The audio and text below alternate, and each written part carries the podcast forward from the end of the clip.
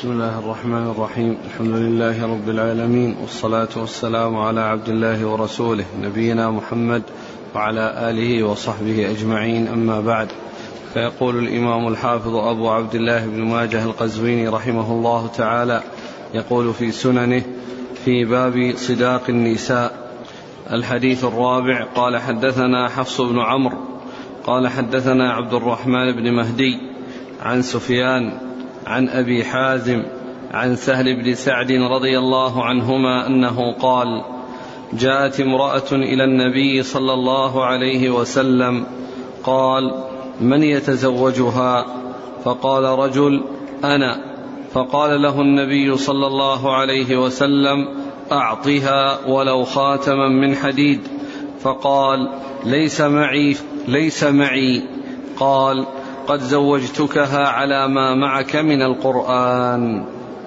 بسم الله الرحمن الرحيم. الحمد لله رب العالمين وصلى الله وسلم وبارك على عبده ورسوله نبينا محمد وعلى آله وأصحابه أجمعين. أما بعد فهذا الحديث من الأحاديث المتعلقة بصداق النساء وأن الصداقة لا بد منه ولو كان شيئا يسيرا كما دل عليه هذا الحديث حديث سعد بن سعد الساعدي رضي الله عنه.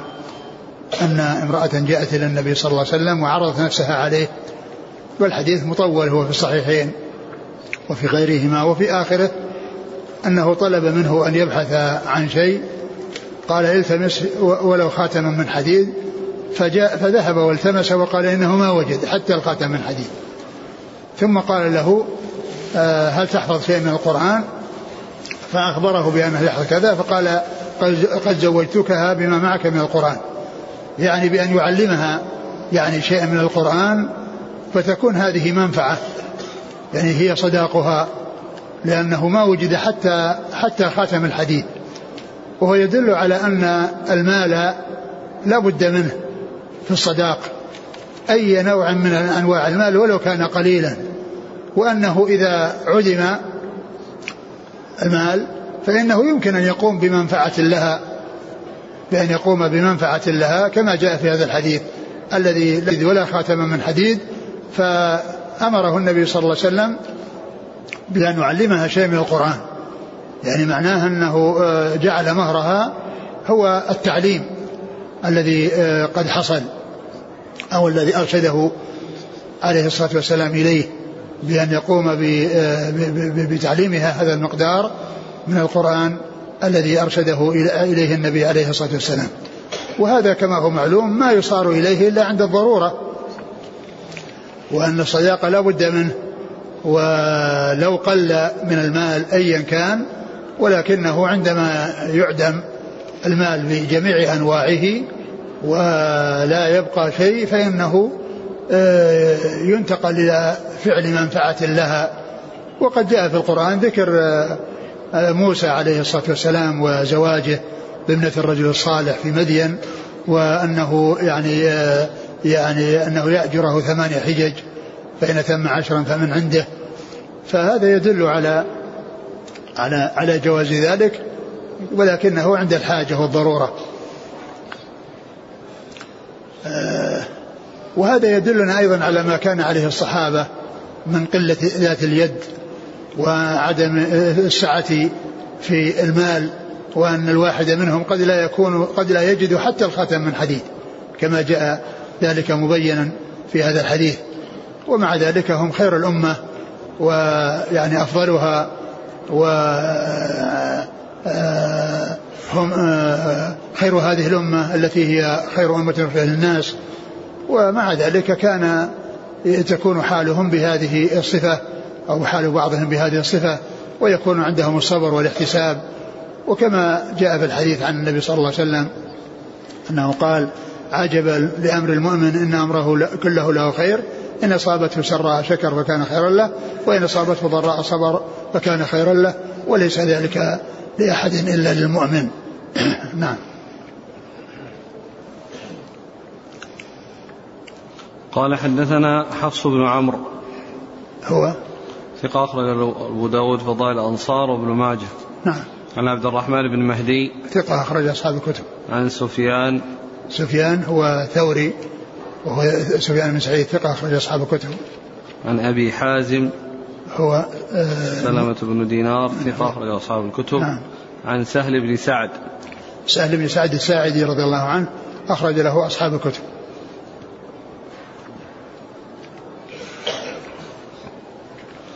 قال حدثنا أبو هشام الرفاعي محمد بن يزيد قال حدثنا يحيى بن يمان قال حدثنا الأغر الرقاشي عن عطية العوفي عن أبي سعيد الخدري رضي الله عنه أن النبي صلى الله عليه وسلم تزوج عائشة رضي الله عنها على متاع بيت قيمته خمسون درهما.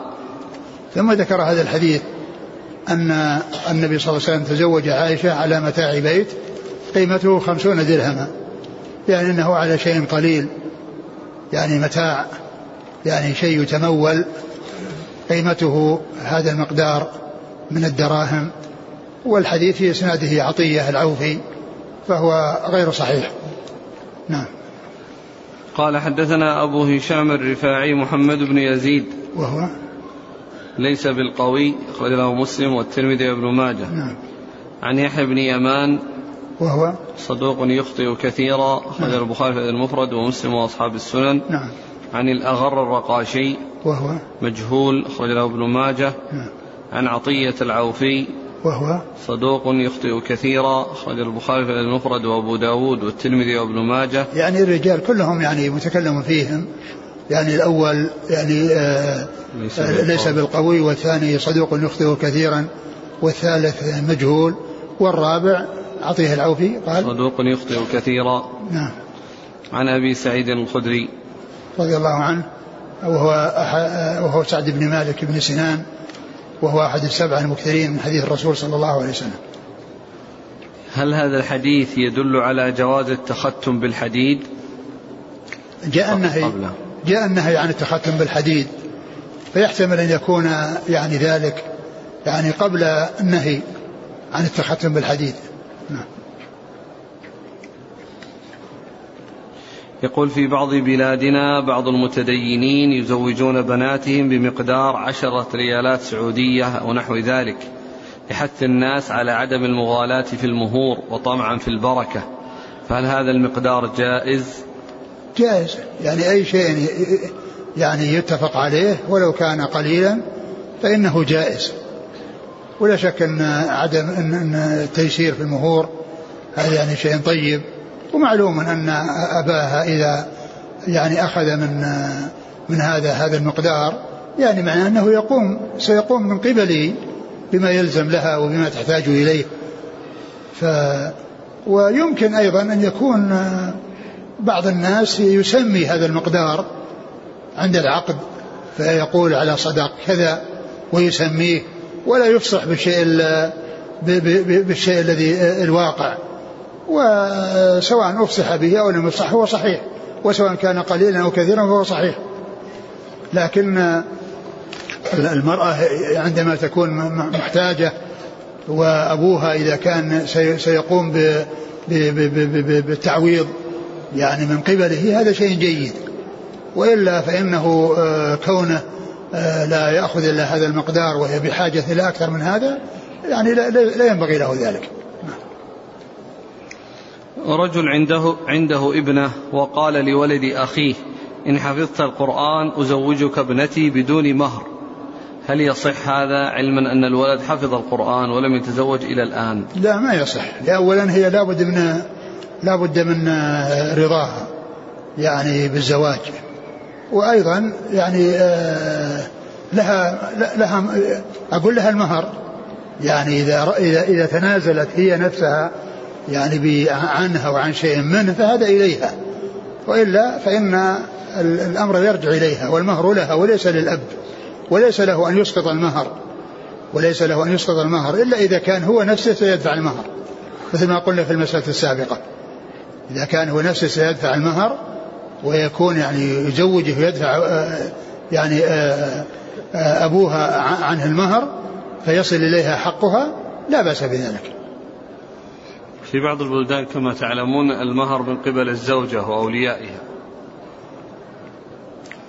أقول هذا أقول هذا شيء عجيب. يعني كون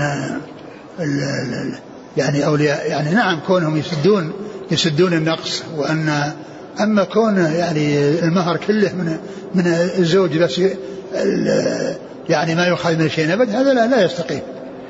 أقول لا يستقيم لكن كونهم يعني يدفعون يعني يقومون بما يلزم لها ويأخذون منه الشيء الذي يعني يستطيع أو شيء قليل لا بأس بذلك. مثل ما قلنا في المسألة السابقة أن أن إذا كان أن الأب سيتحمل وأخذ شيئا قليلا مثل عشرة الدراهم اللي قيل عشرة ريالات. يعني هذه من جنسها. قال رحمه الله تعالى باب الرجل يزوج يتزوج. باب الرجل يتزوج فلا يفرض لها فيموت على ذلك.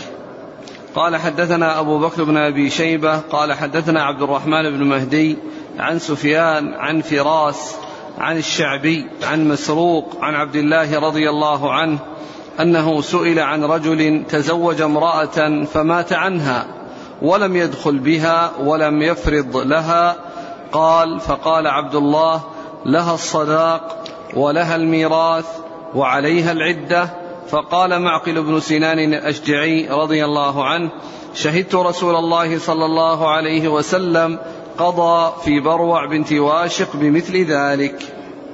ثم ذكر الرجل يتزوج ولا يفرض ولا يسمي مهرا أو لا يفرض مهرا ثم يموت.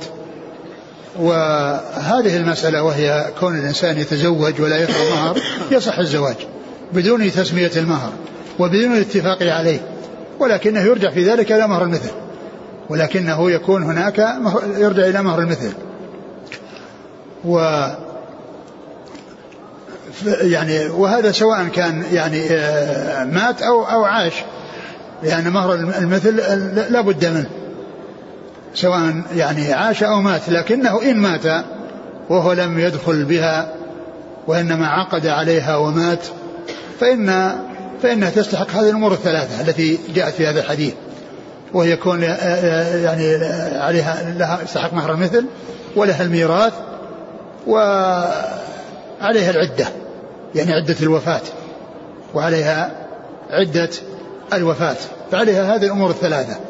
يعني تعتد له أربعة أشهر وعشر وكذلك يعني لها الميراث ترثه لأنها زوجة وكذلك لها مهر المثل. فتكون هذه الأمور الثلاثة لها وقد جاء بهذا الحديث عن رسول الله عليه الصلاة والسلام. في المرأة التي توفيت وهي كذلك وقضى رسول الله صلى الله عليه وسلم بهذا الذي جاء في حديث مسعود. نعم. قال حدثنا أبو بكر بن أبي شيبة. ثقة أخرج أصحاب الكتب للترمذي عن عبد الرحمن بن مهدي عن ثقة. سفيان عن فراس. نعم فراس هو. صدوق ربما وهم أخرجه أصحاب الكتب. نعم. عن الشعبي. عامر بن شراحيل الشعبي ثقة أخرج أصحاب الكتب. عن مسروق. ابن الأجدع ثقة أخرج أصحاب الكتب. عن عبد الله. عبد الله بن مسعود رضي الله عنه أخرج أصحاب الكتب. قال حدثنا أو ثم قال وعن معقل بن سنان الأشجعي. معقل رضي الله عنه أخرج له. أصحاب السنن. نعم. قال حدثنا أبو بكر بن أبي شيبة قال حدثنا عبد الرحمن بن مهدي عن سفيان عن منصور عن إبراهيم عن علقمة عن عبد الله رضي الله عنه مثله. نعم ثم مثله يعني مثل ما تقدم يعني مطابق له إيش الإسناد؟ قال حدثنا أبو بكر بن أبي شيبة عن عبد الرحمن بن مهدي عن سفيان عن منصور. نعم هذه الطريقة الثانية إلى منصور يلتقي منصور، منصور هو ابن معتمر ثقة أخرج أصحاب الكتب. عن إبراهيم إبراهيم بن يزيد بن قيس النقعي ثقة أخرج أصحاب الكتب. عن علقمة وهو بن قيس ثقة أخرج أصحاب الكتب. عن عبد الله. نعم. قال رحمه الله تعالى باب خطبة النكاح. قال حدثنا هشام بن عمار قال حدثنا عيسى بن يونس قال حدثني أبي عن جدي أبي إسحاق عن أبي الأحوص عن, عن عبد الله بن مسعود رضي الله عنه أنه قال أتي رسول الله أوتي رسول الله صلى الله عليه وسلم جوامع الخير وخواتمه أو قال فواتح الخير. فعلمنا خطبة الصلاة وخطبة الحاجة. خطبة الصلاة التحيات لله والصلوات والطيبات. السلام عليك أيها النبي ورحمة الله وبركاته. السلام علينا وعلى عباد الله الصالحين. أشهد أن لا إله إلا الله وأشهد أن محمدا عبده ورسوله. وخطبة الحاجة إن الحمد لله نحمده ونستعينه ونستغفره ونعوذ بالله من شرور أنفسنا ومن سيئات أعمالنا. من يهده الله فلا مضل له ومن يضلل فلا هادي له. وأشهد أن لا إله إلا الله وحده لا شريك له وأشهد أن محمدا عبده ورسوله. ثم تصل خطبتك بثلاث آيات من كتاب الله. يا أيها الذين آمنوا اتقوا الله حق تقاته إلى آخر الآية. واتقوا الله الذي تساءلون به والأرحام إلى آخر الآية. اتقوا الله وقولوا قولا سديدا يصلح لكم أعمالكم ويغفر لكم ذنوبكم إلى آخر الآية. ثم ذكر باب خطبة النكاح. وخطبة النكاح هو هذا الثناء والذكر الذي يؤتى به بين يدي العقد بين يدي عقد النكاح. وأورد فيه حديث خطبة الحاجة. والحاجة فسرت بأنها النكاح وفسرت بما هو أعم من ذلك. فسرت بالنكاح وبما هو أعم من ذلك. وخطبة الحاجة هذه جاء في هذا الحديث عن مسعود رضي الله عنه أن النبي صلى الله عليه وسلم علمهم خطبة خطبة الصلاة وخطبة الحاجة. فخطبة الصلاة التحيات لله والصلوات والطيبات السلام عليك أيها النبي ورحمة الله وبركاته. السلام علينا وعلى عباد الله الصالحين أشهد أن لا إله إلا الله وأشهد أن محمدا عبده ورسوله الذي هو التشهد الذي كان يعلمهم الرسول صلى الله عليه وسلم إياه كما كان يعلمهم السورة من القرآن. وهذا الذي يسمى تشهد ابن مسعود وهو أشهر التشهدات وأوضحها وأصحها وقد جاء في أحاديث صحيحة ذكر تشهدات أخرى يعني صحيحة ثابتة عن الرسول صلى الله عليه وسلم والاختلاف فيها من قبيل اختلاف التنوع. وليس من قبيل اختلاف التضاد لأن أي صفة جاءت عن النبي عليه الصلاة والسلام للتشهد فإن الأخذ بها صحيح. ولكن المشهور والذي اشتهر والذي يعتبر أوفى من غيره هو تشهد مسعود هذا الذي فيه يعني هذا هذا اللفظ والذي جاء في الصحيحين أنه كان يعلمهم إياه كما كان يعلمهم السورة من القرآن وعلمه وكفه بين كفيه. يعني آه، كف ابن مسعود بين كفي الرسول صلى الله عليه وسلم. وهذا لزيادة التمكن وزيادة الإتقان والضبط من عبد الله بن مسعود لأنه أخبر عن الهيئة التي كان عليها ورسول الله صلى الله عليه وسلم يحدثه. وأيضا كذلك يعني آه، فهو دال على ضبطه وإتقانه لما حدثه به رسول الله صلى الله عليه وسلم. وهنا فيه زيادة يعني ذكر التشهد ذكر الخطبة عند الحاجة. وهو هذا الذكر المبدوء بحمد الله عز وجل والمشتمل على الثناء والشهادة له سبحانه وتعالى بالألوهية ولنبيه محمد صلى الله عليه وسلم بالرسالة. ثم يأتي بعد ذلك بثلاث آيات كلها مشتملة على الأمر بالتقوى مشتملة على الأمر بالتقوى وهي آية آية آل عمران يا أيها اتقوا الله حق تقاته ولا تموتن إلا وأنتم مسلمون والثانية آية النساء يا أيها الناس اتقوا ربكم الذي خلقكم من نفس واحدة وخلق منها زوجها وبث منهما رجالا كثيرا ونساء. اتقوا الله الذي تساءلون به والأرحام الله كان عليكم رقيبا. يعني المقصود يعني أن, أن, أن الآية وليس المقصود آخرها وإنما مقصود الآية كاملة. ثم آه آية الأحزاب. يا أيها اتقوا الله وقولوا قولا سديدا. يصلح لكم أعمالكم. ويغفر لكم ذنوبكم ويطع الله ورسوله. فقد فاز فوزا عظيما. فهذه خطوة الحاجة. التي تكون آه، للنكاح وأيضا تكون لغيره كما قال بعض أهل العلم أنها ليست خاصة بالنكاح وإنما تكون فيه وفي غيره من آه، الحاجات الأخرى. ولكن الذي اشتهر هو استعمالها في النكاح. نعم. يعني الآن موضعها إذا ذهب الإنسان يخطب يبدأ قبل ما ي...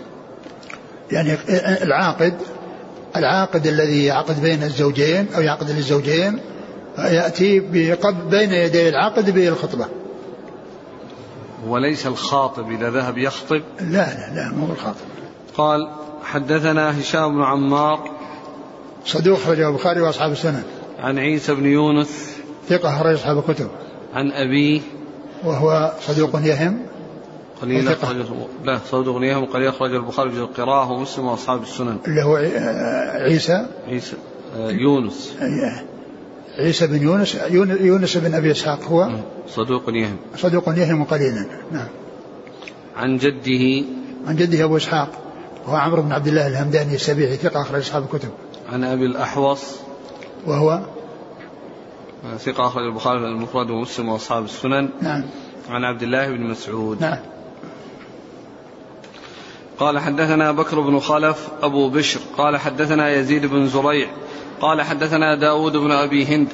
قال حدثني عمرو بن سعيد عن سعيد بن جبير عن ابن عباس رضي الله عنهما أن النبي صلى الله عليه وسلم قال الحمد لله نحمده ونستعينه ونعوذ بالله من شرور أنفسنا ومن سيئات أعمالنا. من يهده الله فلا مضل له ومن يضلل فلا هادي له. وأشهد أن لا إله إلا الله وحده لا شريك له وأن محمدا عبده ورسوله. أما بعد.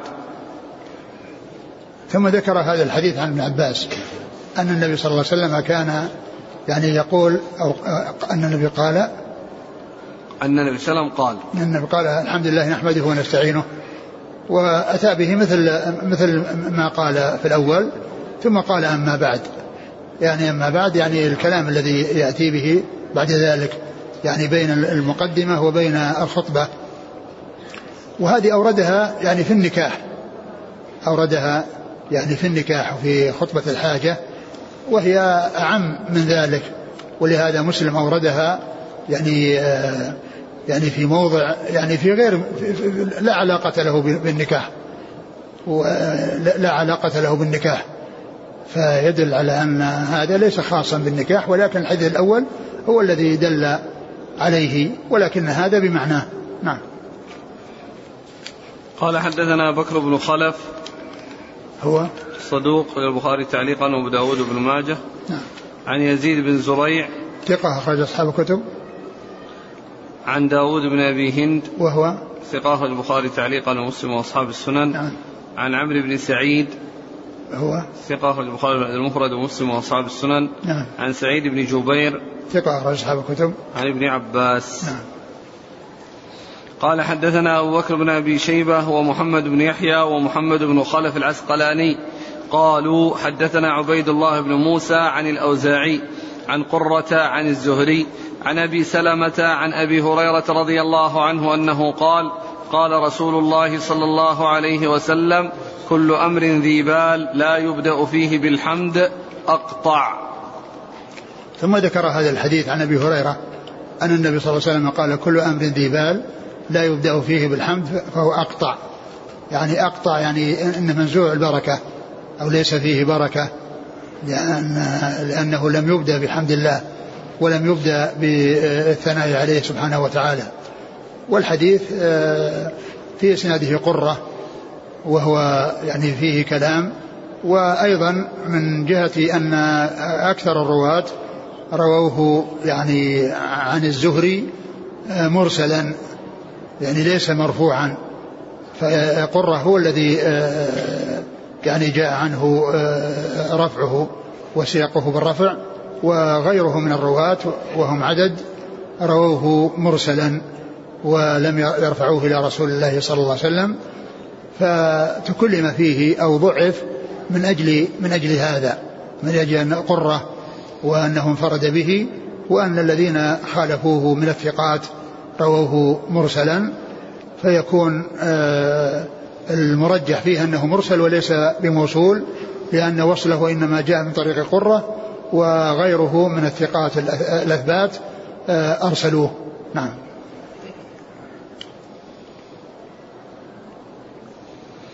قال حدثنا أبو بكر بن أبي شيبة ومحمد بن يحيى. هو ذهلي ثقة أخرج أصحاب الكتب. إلا مسلم. نعم البخاري وأصحاب السنة نعم. ومحمد بن خلف العسقلاني. نعم. صدوق له النسائي بن ماجه. نعم. عن عبيد الله بن موسى. وهو ثقة أخرج أصحاب الكتب. عن الأوزاعي. عمرو بن عبد الرحمن بن عمرو الأوزاعي ثقة أخرج أصحاب الكتب. عن قرة. قرة هو بن عبد الرحمن صدوق له مناكير نعم. له مسلم وأصحاب السنن. يعني مسلم روى له بالشواهد لم يروي له في الأصول نعم. عن الزهري. محمد بن مسلم بن عبد الله بن شهاب ثقة أخرج أصحاب الكتب. عن أبي سلمة. أبو سلمة بن عبد الرحمن بن عوف ثقة أخرج أصحاب الكتب. عن أبي هريرة. نعم. يقول عندنا في بلدنا إذا قام العاقد يعقد النكاح فإنه يضع خرقة على يد الزوج ويد ولي الزوجة ثم يبدأ في قراءة خطبة الحاجة. خرقة؟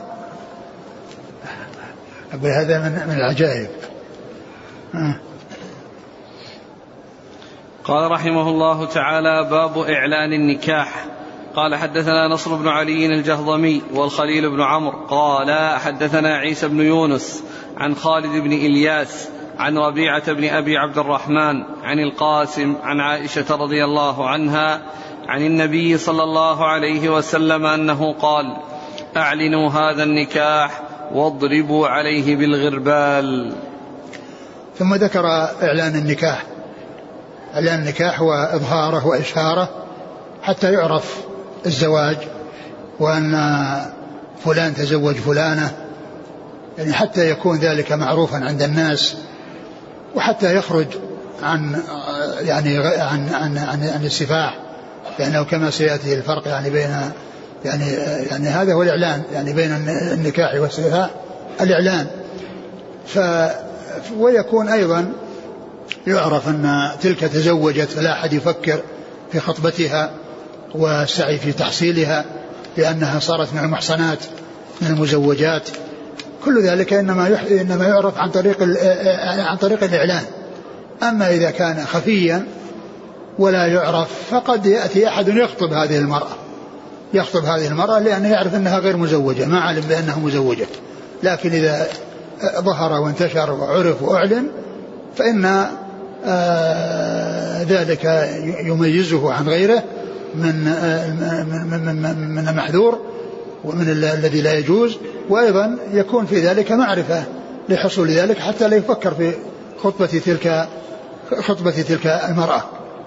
أورد حديث عائشة رضي الله عنها أن النبي صلى الله عليه وسلم قال اعلنوا النكاح واضربوا عليه بالغربال. اعلنوا النكاح هذا جاء من طرق الحديث هذا جاء من طريق خالد بن اياس وهو ضعيف و و آه، وأما إعلان النكاح الذي هو لفظ إعلان النكاح هذه جاءت من طرق وهي صحيحة وجاء ما يدل عليها.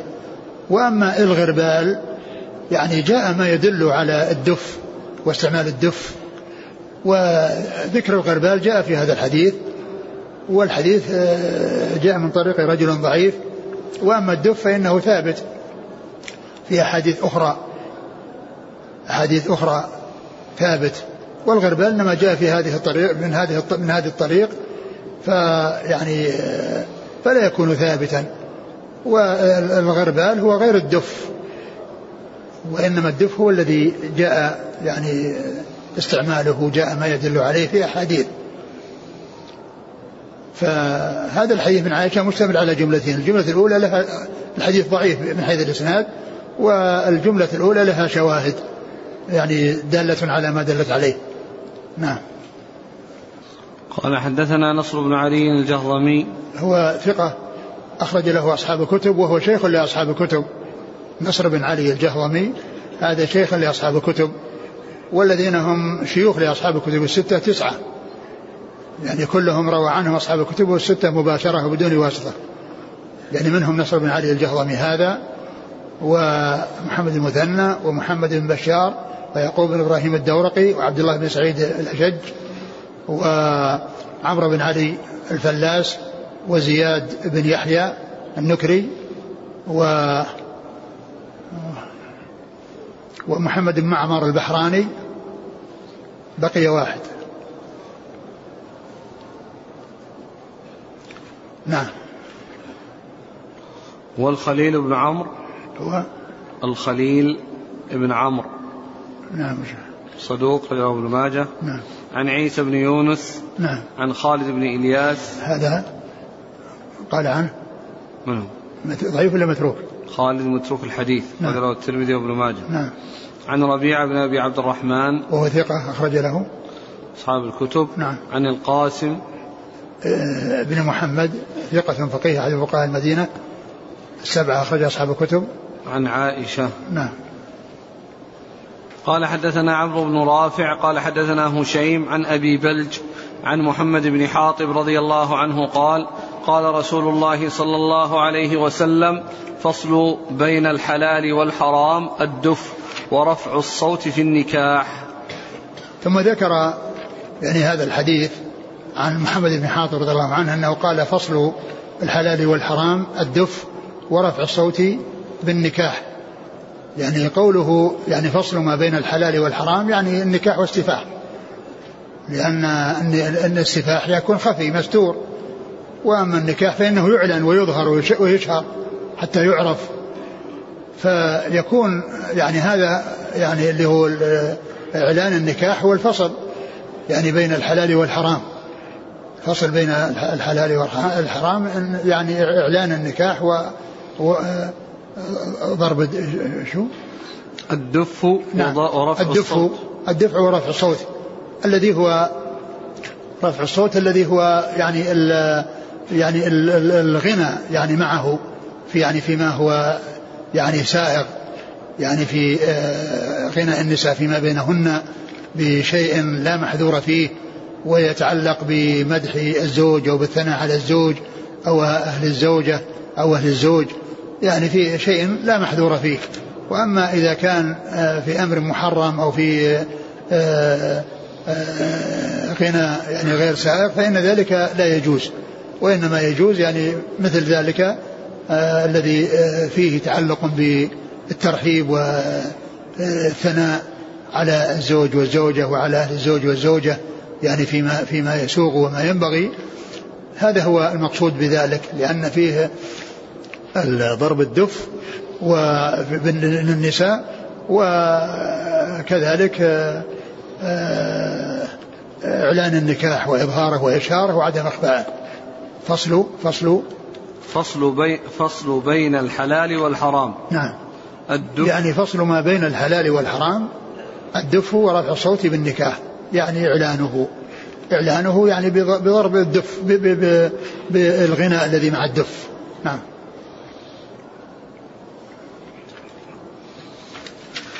قال حدثنا عمرو بن رافع ثقة أخرج له. ابن ماجه نعم. عن هشيم. هشيم بشير الواسطي ثقة أخرج أصحاب الكتب. عن أبي بلج وهو؟ يحيى بن سليم صدوق ربما أخطأ أخرج نعم. أصحاب السنن. نعم. عن محمد بن حاطب. أخرج له. الترمذي والنسائي بن ماجه. نعم. الدف. هل يكون ضرب الدف في النكاح خاص بالنساء أم يجوز للرجال؟ لا خاص بالنساء. قال رحمه الله تعالى باب الغناء والدف. قال حدثنا أبو بكر بن أبي شيبة قال حدثنا يزيد بن هارون قال حدثنا حماد بن سلمة عن أبي الحسين اسمه خالد المدني قال كنا بالمدينة يوم عاشوراء والجواري يضربن بالدف ويتغنين فدخلنا على الربيع بنت معوذ رضي الله عنها فذكرنا ذلك لها فقالت دخل علي رسول الله صلى الله عليه وسلم صبيحة عرسي وعندي جاريتان تغنيان وتندبان آبائي الذين قتلوا يوم بدر وتقولان فيما تقولان وفينا نبي يعلم ما في غد فقال أما هذا فلا تقولوه ما يعلم ما في غد إلا الله. ثم ذكر باب الغناء والدف. باب الغناء والدف. الغناء الذي يحصل من النساء يعني في مناسبة الزواج يعني مع الدف وهو ضرب الدف فيكون يعني آه، صوت آه، الدف وصوت الغناء الذي يكون سائغا وجائزا من النساء مع الدف. فهذه الترجمة معقودة لبيان جواز الاثنين. الغناء الذي آه، يكون فيه مدح وثناء يعني للزوجة وللزوج والدف بضربه يعني من قبل النساء وأن يكون ذلك فيما بينهن ولا يعني يطلع عليه الرجال وكذلك لا يسمع الرجال مثل ذلك وإنما يخفينه يعني بحيث يكون بينهن. ثم ورد هذا الحديث عن عائشة رضي الله عنها عن عن أبي الحسين خالد خالد خالد بن ذكوان المدني أنه قال أتينا المدينة ف يعني فرأينا فرأينا إيش؟ قال كنا بالمدينة يوم عاشوراء نعم. والجواري يضربن بالدف ويتغنين كنا في المدينة يوم عاشوراء والجواري يضربن بالدف ويتغنين ثم دخلنا على على على الربيع آه، فقلنا لها. فذكرنا ذلك لها. فذكرنا ذلك لها يعني هذا الضرب بالدف وكذلك الغنى من هذه الجواري. فأخبرتهم بأن النبي صلى الله عليه وسلم دخل عليها صبيحة يعني زواجها وأنه جلس قريبا منها وأنه كان عندها جاريتان تضربان بالدف وتغنيان.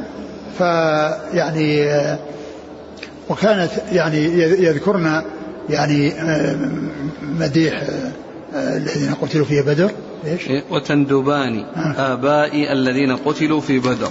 تندبان آبائي الذين قتلوا في بدر. يعني تشيد بآباء بهؤلاء الذين قتلوا. يعني وهم يعني لهم قرابة أو آباء يعني لهذه المرأة التي هي الربيع. ويقولان وفي وفي جملة ما يقولان وفينا رسول الله رسول الله صلى الله عليه وسلم يعلم ما في غد فالنبي صلى الله عليه وسلم قال أما هذه فلا تقولون فلا تقولان فلا تقولاها فلا تقولاها يعني هذه الكلمة التي يقول لا يعلم ما في غد إلا الله. يعني فأقرهما على الكلام الذي كنا يتغنين به وأنكر عليهما الذي لا يجوز وهو نسبة علم الغيب في المستقبل إلى الرسول صلى الله عليه وسلم. ومن المعلوم أن علم الغيب على الإطلاق لا يكون إلا لله سبحانه وتعالى. كما قال كما جاء في فتح الغيب الخمس التي وفيها وما, وما, وما, وما تدري نفس ماذا تكسب غدا. يعني كل لا يعلم يعني عما يكون في المستقبل ولا يعلم ذلك إلا الله على الإطلاق. والرسول صلى الله عليه وسلم قد يطلعه الله على أشياء مستقبلة كما جاء في أحاديث كثيرة يخبر بها عن أمور مستقبلة وهذا حق ولكن هو من الغيب الذي أطلعه الله عليه. لكن لا يقال إن الرسول صلى الله عليه وسلم يعلم ما في غد أو يعلم آه، الغيب على الإطلاق وإنما الذي يعلم الغيب على الإطلاق هو الله سبحانه وتعالى. قل لا يعلم من في السماوات والأرض الغيب إلا الله. وأما رسول الله صلى الله عليه وسلم فإنه يعلم من الغيب ما أطلعه الله عليه ويخفى عليه كثير من الغيوب ومما أخفي عليه علم قيام الساعة التي لا يعلم متى تقوم إلا الله سبحانه وتعالى. كما جاء في حديث جبريل ما المسؤول عنها بأعلم من السائل يعني أن أن محمد صلى الله عليه وسلم وجبريل كلهم سواء في أنهم لا يعلمون عنها شيئا. وإنما الرسول عليه الصلاة والسلام إذا سئل عن الساعة إما صرف نظر السائل, السائل إلى ما هو أهم من سؤاله أو أنه أخبره بشيء من أماراتها. أخبره بشيء من أماراتها وعلاماتها. فالأمور المستقبلة جاء كثير من الأحاديث عن النبي صلى الله عليه وسلم في بيان آه، الإخبار بها ومعلوم أن الله تعالى أطلعه على ذلك ولكن كونه يعلم كل غيب ويعلم كل ما يحصل في المستقبل أو يعلم كل ما مضى لا يقال ذلك وإنما هذا من خصائص الله سبحانه وتعالى. نعم. أعد الحديث. قال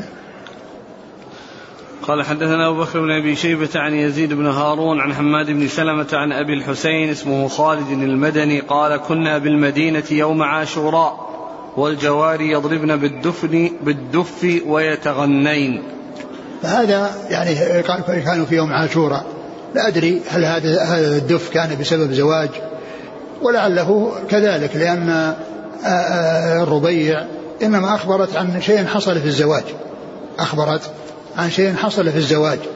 يعني فيكون يعني ذلك الذي قد حصل إنما هو يتعلق بالزواج. هذا هو الأظهر. لأنها أخبرت يعني عن شيء يتعلق بالزواج. والحديث في, في, صحيح البخاري ليس لكن ليس فيه ذكر يعني هذا ال ال ال هذه المقدمة.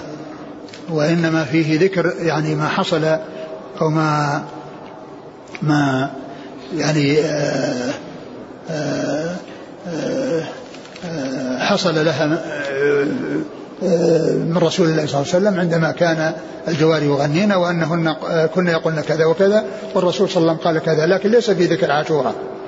نعم. فدخلنا على الربيع بنت معوذ فذكرنا ذلك لها فقالت دخل علي رسول الله صلى الله عليه وسلم صبيحة عرسي وعندي جاريتان تغنيان وتندبان آبائي الذين قتلوا يوم بدر وتقولان فيما تقولان. وفينا نبي يعلم ما في غد. فقال أما هذا فلا تقولوه ما يعلم ما في غد إلا الله. نعم. قال حدثنا أبو بكر بن أبي شيبة عن يزيد بن هارون ثقة أخرج أصحاب الكتب. عن حماد بن سلمة ثقة أخرج البخاري تعليقا ومسلم وأصحاب السنن. عن أبي الحسين اسمه خالد المدني وهو؟ صدوق أصحاب الكتب. نعم. عن الربيع بنت معوذ أخرج لها. أصحاب الكتب. نعم. قال حدثنا أبو بكر بن أبي شيبة قال حدثنا أبو أسامة عن هشام بن عروة عن أبيه عن عائشة رضي الله عنها أنها قالت دخل علي أبو بكر رضي الله عنه وعندي جاريتان من جوار الأنصار تغنيان بما تقاولت به الأنصار في يوم بعاث. قالت وليستا بمغنيتين فقال أبو بكر أبمزمور الشيطان في بيت النبي صلى الله عليه وسلم وذلك في يوم عيد الفطر. فقال النبي صلى الله عليه وسلم يا أبا بكر إن لكل قوم عيدا وهذا عيدنا. ثم ذكر هذا الحديث عن عائشة رضي الله عنها أن أن أن, أن النبي صلى الله عليه وسلم دخل علي أبو دخل عليها أبوها وكان وكان, وكان في عند في بيت النبي صلى الله عليه وسلم وعندها جاريتان في يوم عيد الفطر وهما تغنيان. و فقال أبو بكر آه هكذا في بيت رسول مزمار الشيطان في بيت رسول الله صلى الله عليه وسلم. ف فقال الرسول التفت الرسول وكان مضطجعا فقال دعهما يا أبا بكر فإن فإن لكل قوم عيد لكل قوم عيد ولا وهذا عيدنا. وهذا عيدنا. يعني أن حصول الفرح من من الأطفال ومن الصبيان وكونهم يعني يحصل منهم شيء من من من من من, من الغنى الذي لا بأس به أن ذلك سائر. لأنه قال جاريتين. ليس المقصود من ذلك رجال كبار أو نساء كبار وإنما هذا شغل عمل أطفال وعمل صغار. فالرسول صلى الله عليه وسلم قال هذا عيدنا عيد هذا هذا عيدنا أهل الإسلام.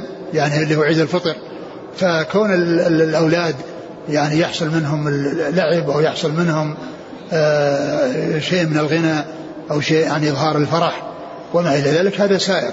لكن لا يكون هذا في حق الرجال. الرجال لا يفعلون ذلك وإنما يفعله الجواري الصغيرات والصبيان الصغار. أعد أعد وعن عائشة رضي الله عنها قالت دخل علي أبو بكر وعندي جاريتان من جوار الأنصار تغنيان بما تقاولت به الأنصار في يوم بعاث. قالت وليستا بمغنيتين. يعني ليستا بمغنيتين ليس من شأنهما الغنى أنها مغنية وإنما هذا شيء آه، آه، يقولانه بهذه المناسبة وقالا بهذه المناسبة. يعني ليس من شأنهما أنهما مغنيات وإنما حصل منهن في هذه المناسبة في هذا الفرح وهذا السرور ويعني الرسول صلى الله عليه وسلم ولعل بكر كان يظن أن النبي صلى الله عليه وسلم كان نائما فالرسول فالتفت وقال دعهما يا بكر إن لكل قوم عيدا وإن هذا عيدنا أهل الإسلام وكان ذلك في عيد الفطر ودل ذلك على جواز مثل ذلك. وهذا ليس لا, لا علاقة له بالنكاح وإعلان النكاح وإنما جاء تبعا من جهة أن أنه جاء يعني شيئا في هذا المعنى فيما يتعلق بالغناء من الجواري الصغار في مناسبة العيد وأن الأولاد والبنات الصغار يمكن أو يمكنون من اللعب ومن مثل هذا الذي قد حصل. نعم. قال حدثنا أبو بكر بن أبي شيبة عن أبي أسامة. حماد بن أسامة ثقة أخرج أصحاب الكتب. عن هشام بن عروة. هو ثقة أخرج أصحاب الكتب. عن أبيه عروة بن الزبير ثقة فقيه أخرج أصحاب الكتب. عن عائشة. نعم. قال حدثنا هشام بن عمار قال حدثنا عيسى بن يونس قال حدثنا عوف عن ثمامة بن عبد الله عن أنس بن مالك رضي الله عنه أن النبي صلى الله عليه وسلم مر ببعض المدينة فإذا هو بجوار يضربن بدفيهن ويغنين. ويقولن نحن جوار من بني النجار يا حبذا محمد من جار. ثم ذكر قال النبي صلى الله عليه وسلم الله يعلم إني لأحبكم إني لأحبكن. ثم ذكر هذا الحديث عن أنس رضي الله عنه أن النبي صلى الله عليه وسلم مر في المدينة وفي جواري يغنين ويقولن آه، من الأنصار. ويقولن آه، إيش؟ نحن جوار من بني النجار. نحن جوار من بني النجار. يا حبذا يا حبذا. محمد محمد من جار. نحن جوار من بني النجار. يا حبذا محمد من جار. فيعني هذا هو الذي يغنين به. فالرسول صلى الله عليه وسلم قال الله يعلم أني أحبكن يعني كما تحببنني كما أنكن تحببنني وتقولن هذا الكلام الذي فيه الفرح. بي فأنا أحبك فأنا أحبكن صلوات الله وسلامه وبركاته عليه. وهذا يدل على أن الأولاد والأطفال الصغار إذا حصل منهم يعني شيء من هذا أنه لا بأس به. لكن لا يكون هذا من شأن الكبار لا من الرجال ولا من النساء. آه. قال حدثنا هشام بن عمار. نعم. صديق أخرجه البخاري وأصحاب السنة. عن عيسى بن يونس عن عوف. عوف بن أبي جميلة ثقة أخرج أصحاب الكتب. عن ثمامة بن عبد الله وهو صدوق أصحاب الكتب. نعم. عن أنس بن مالك. نعم.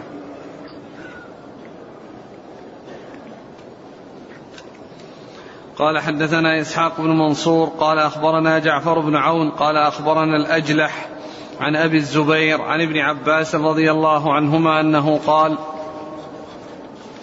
أنكحت عائشة رضي الله عنها ذات قرابة لها من الأنصار. فجاء رسول الله صلى الله عليه وسلم فقال أهديتم الفتاة؟ قالوا نعم. قال أرسلتم معها من تغني؟ قالت لا. فقال رسول الله صلى الله عليه وسلم إن الأنصار قوم فيهم غزل. فلو بعثتم معها من يقول أتيناكم أتيناكم فحيانا وحياكم. ثم ذكر هذا الحديث عن عن عن ابن عباس. عن ابن عباس أن أن النبي صلى الله عليه وسلم قال أن, أن قال أن عائشة أنكحت قريبة لها. ذات قرابة لها من الأنصار. ذات قرابة لها من الأنصار. يعني أنكحت يعني ليس معنى ذلك أنها هي اللي زوجتها لأن المرأة لا تنكح نفسها ولا تنكح غيرها. وإنما المقصود يعني أنها قامت بما يلزم لها. لعل هذا هو المقصود أنها قامت بما يلزم لها أو أنها يعني آه ساعدتها. أو سعت يعني في تزويجها. هذا هو المقصود بقوله أنكحت قريبة لها من الأنصار. يعني يمكن قرابة يعني يعني من ناحية مجاورة أو يعني ما إلى ذلك. وإلا فإن يعني عائشة من المهاجرين والأنصار هم الذين في المدينة وقدم عليهم النبي صلى الله عليه وسلم. ويمكن أن يكون هناك يعني آه يعني قرابة يعني أخرى يعني لكن آه الأنصار آه في النسب غير غير قريش وغير المهاجرين لأن المهاجرين جاءوا من مكة وأولئك كانوا من سكان المدينة وهم من الأزد الأوس والخزرج. وأما أولئك يعني من قريش وغير قريش الذين هم مهاجرون الذين جاءوا إلى إلى المدينة من مكة. قريبة لها من الأنصار فقال رسول أهديتم أه-, أه-, أهديتم أهديتم الفتاة.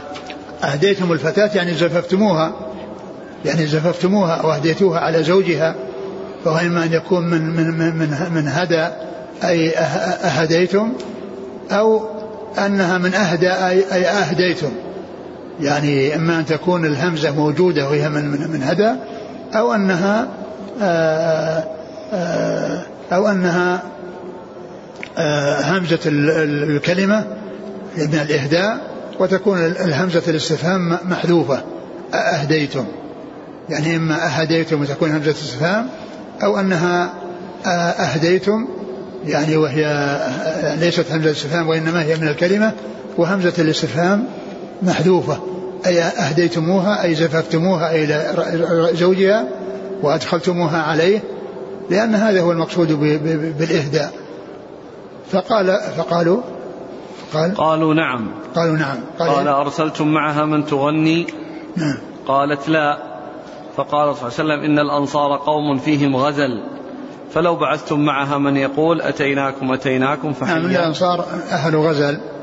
يعني أهل غزل يعني هذه الكلمة يعني ذكر الشيخ ناصر أنها يعني غير محفوظة وإنما يعني يعني باقي الحديث مستقيم وهو أن الرسول صلى الله عليه وسلم قال لو يعني بعثتم من لو بعثهم معها من يقول أتينا. من يقول يعني من من من الفتيات ومن النساء من النساء من يقول أتيناكم أتيناكم فحيانا وحياكم. فحيانا وحياكم. يعني هذا هو الغنى الذي من جنس هذا الكلام.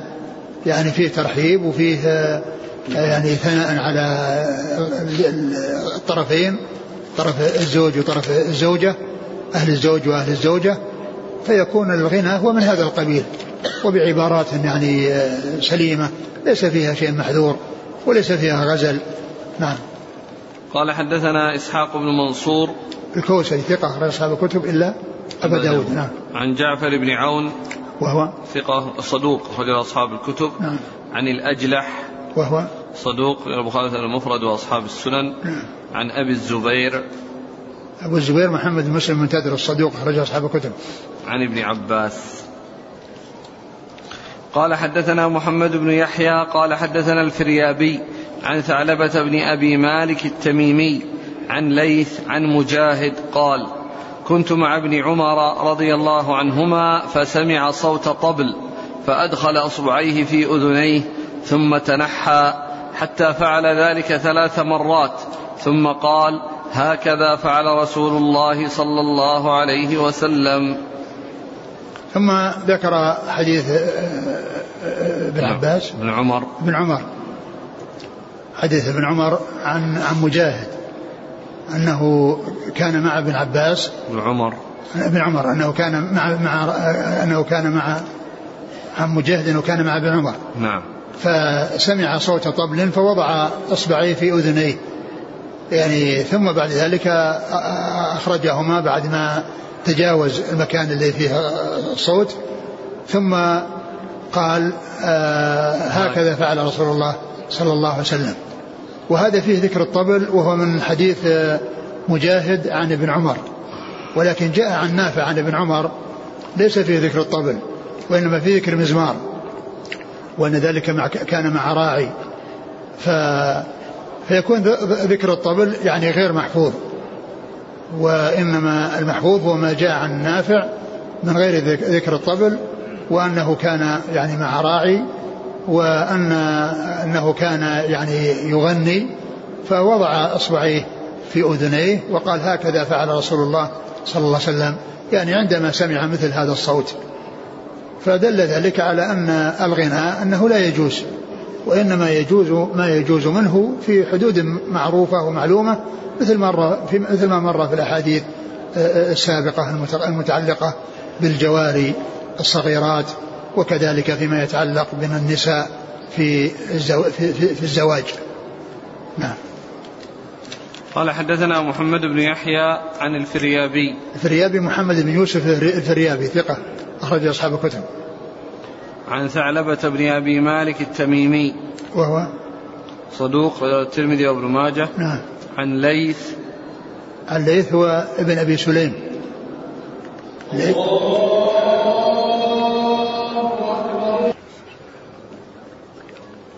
نعم ليث. ليث بن أبي سليم. صدوق اختلط جدا فترك أخرج البخاري تعليقا ومسلم وأصحاب السنن. نعم والحديث جاء من طريقه الذي في ذكر الطبل. وقد جاء من طرق أخرى عن غير عن غير ليث إلى نافع عن ابن عمر وليس فيه ذكر الطبل وهو المحفوظ. ويعني هذا موافق يعني مع عدا ذكر الطبل يعني موافق لما جاء في حديث طريق نافع عن ابن عمر ولكنه ليس من طريق الليث من طريق الليث بن أبي سليم وإنما هم طريقه أخرى صحيحة. يعني فيكون ذكر الطبل جاء من هذه الطريقة التي فيها ليف والذي قال عنه أنه ترك حافظ بن حجر. نعم. عن مجاهد. مجاهد بن جبر المكي ثقة أخرج أصحاب الكتب. عن ابن عمر. عن ابن عمر رضي الله تعالى عنهما. والله تعالى أعلم وصلى في فيه في حديث باقي؟ لا. وش لا فيه قبل بعد ليث من؟ عن ليث عن مجاهد اللي قبله ثعلب بن أبي مالك التميمي. عن ليث عن مجاهد عن ابن عمر. اقرأ الإسناد. قال حدثنا محمد بن يحيى قال حدثنا الفريابي عن ثعلبة بن أبي مالك التميمي. عن ليث عن مجاهد قال كنت مع ابن عمر فسمع صوت طبل فأدخل أصبعيه في أذنيه ثم تنحى حتى فعل ذلك ثلاث مرات. ثم قال الذي الذي مر في مرة قبل ذلك حديث ابن أبي مالك؟ ابن أبي مالك. لا هو هذا. ثعلبة بن أبي مالك. ثعلبة بن أبي مالك؟ هو هذا؟ ثعلبة بن أبي مالك. قيل قيل إنه ثعلبة بن ابن ابن سهيل. ابن سهيل نعم. أبو مالك. أبو مالك. يعني هذا هو. جاء عند عند ابن ماجه قال الحافظ حجر وقيل إبن أبي مالك. وهو ثعلبة بن سهيل أبو مالك. نعم. والله تعالى أعلم وصلى الله وسلم وبارك على عبده ورسوله نبينا محمد وعلى آله وأصحابه أجمعين. جزاكم الله خيرا وبارك الله فيكم. ألهمكم الله الصواب ووفقكم للحق. نفعنا الله ما سمعنا وغفر الله لنا ولكم وللمسلمين أجمعين.